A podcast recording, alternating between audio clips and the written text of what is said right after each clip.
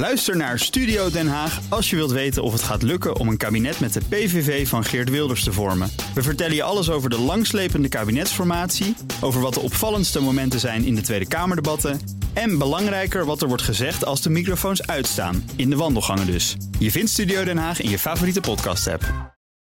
De column van Paul Lasseur. Voor het Oogziekenhuis in Rotterdam was dit de rustigste jaarwisseling in minstens 34 jaar, las ik. In de oudejaarsnacht werd maar één vuurwerkslachtoffer behandeld. Ook de lucht boven de Maasstad was twee keer schoner dan normaal tijdens oud en nieuw. Maar verder was helaas weinig te merken van een vuurwerkverbod. Op de grond knalde het bijna als vanouds en de hemel werd helder verlicht door de meest spectaculaire vuurpijlen. Verdrietig om te zien dat zoveel landgenoten een verstandige overheidsmaatregel massaal negeren. Het vuurwerkverbod doelbewust en opzettelijk overtreden. Gewoon naar Polen uitweken om daar hun explosieven in te slaan. Niet alleen werd doodleuk veel en zwaar vuurwerk afgestoken, politie en brandweermensen werden er ook ouderwets mee bekogeld. Net als met stenen en met glas trouwens. Meer auto's nog dan in andere jaren gingen in vlammen op. En er werden veel illegale feesten gehouden die nauwelijks konden worden beëindigd. Het was kortom een nacht vol oproer en geweld, wetsovertreding en brandstichting, waarin hulpverleners werden bedreigd en aangevallen. Toch was de minister van Justitie achteraf tevreden over het verloop van deze jaarwisseling. Missie geslaagd, zei Grapperhaus.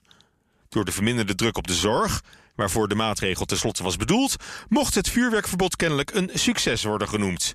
Ook al faalde de handhaving ervan nog zo jammerlijk, waarmee het gezag van deze minister feitelijk ernstig is ondermijnd. Ondanks het succes van de maatregel in termen van aantallen slachtoffers, wil Grapperhaus nog niet praten over een algemeen vuurwerkverbod voor de komende jaren. Onbegrijpelijk dat het kabinet nu niet meteen doorpakt en voorgoed een einde maakt aan deze barbaarse traditie, waarin we als samenleving voor lief nemen dat jaarlijks onnodig slachtoffers vallen. Al die jonge mannen die voor de rest van hun leven een hand of een oog moeten missen.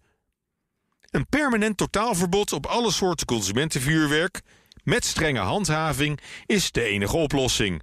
Organiseer gewoon grote publieke vuurwerkshows, waarom niet?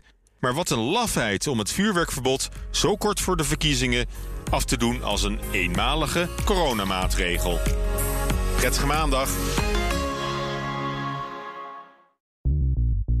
Bij BNR ben je altijd als eerste op de hoogte van het laatste nieuws. Luister dagelijks live via internet. Bas van Werven. En heel langzaam komt de zon op rond dit tijdstip. Je krijgt inzicht in de dag die komt op BNR, het Binnenhof in Nederland en de rest van de wereld. De Ochtendspits. Voor de beste start van je werkdag. Blijf scherp en mis niets.